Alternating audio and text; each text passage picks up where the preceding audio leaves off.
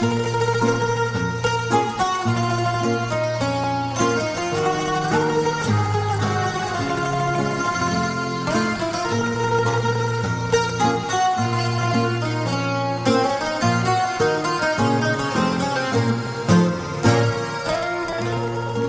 Do Aten samolot tanich linii zabierze nas w około 2,5 godziny. Na powierzchni niewiele większej od Wrocławia ściskają się tu 4 miliony osób, niemal połowa całej populacji kraju. Z góry wygląda to bajecznie, ale jak będzie z poziomu chodnika?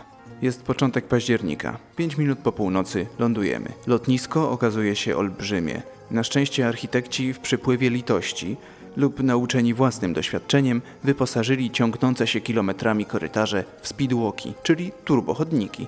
Tym sposobem ekspresowo, niekłopotani żadną kontrolą paszportową, docieramy do wyjścia, gdzie wita nas gorące powietrze nasycone spalinami dziesiątek czatujących na podróżnych taksówek. Kierując się wskazówkami z jak zwykle bardzo godnych zaufania internetowych przewodników, omijamy je szerokim łukiem i kierujemy się do ekspresowego busa. Ten okazuje się być bliźniakiem niewielkiego Solarisa znanego z wrocławskiej linii 106, również kursującej na lotnisko. Można więc poczuć się jak w domu. Oddychamy z ulgą, ale tylko na moment, ponieważ podczas wsiadania należy mocno wciągnąć brzuch i wszystko inne, co tylko da się wciągnąć, by jakimś cudem wepchnąć się w już teraz ciasno zbitą grupę ludzi. Kolejna godzina jest już z górki.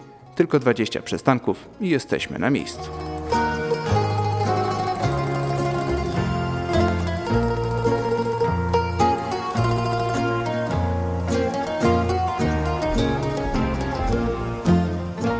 Jakie okażą się Ateny?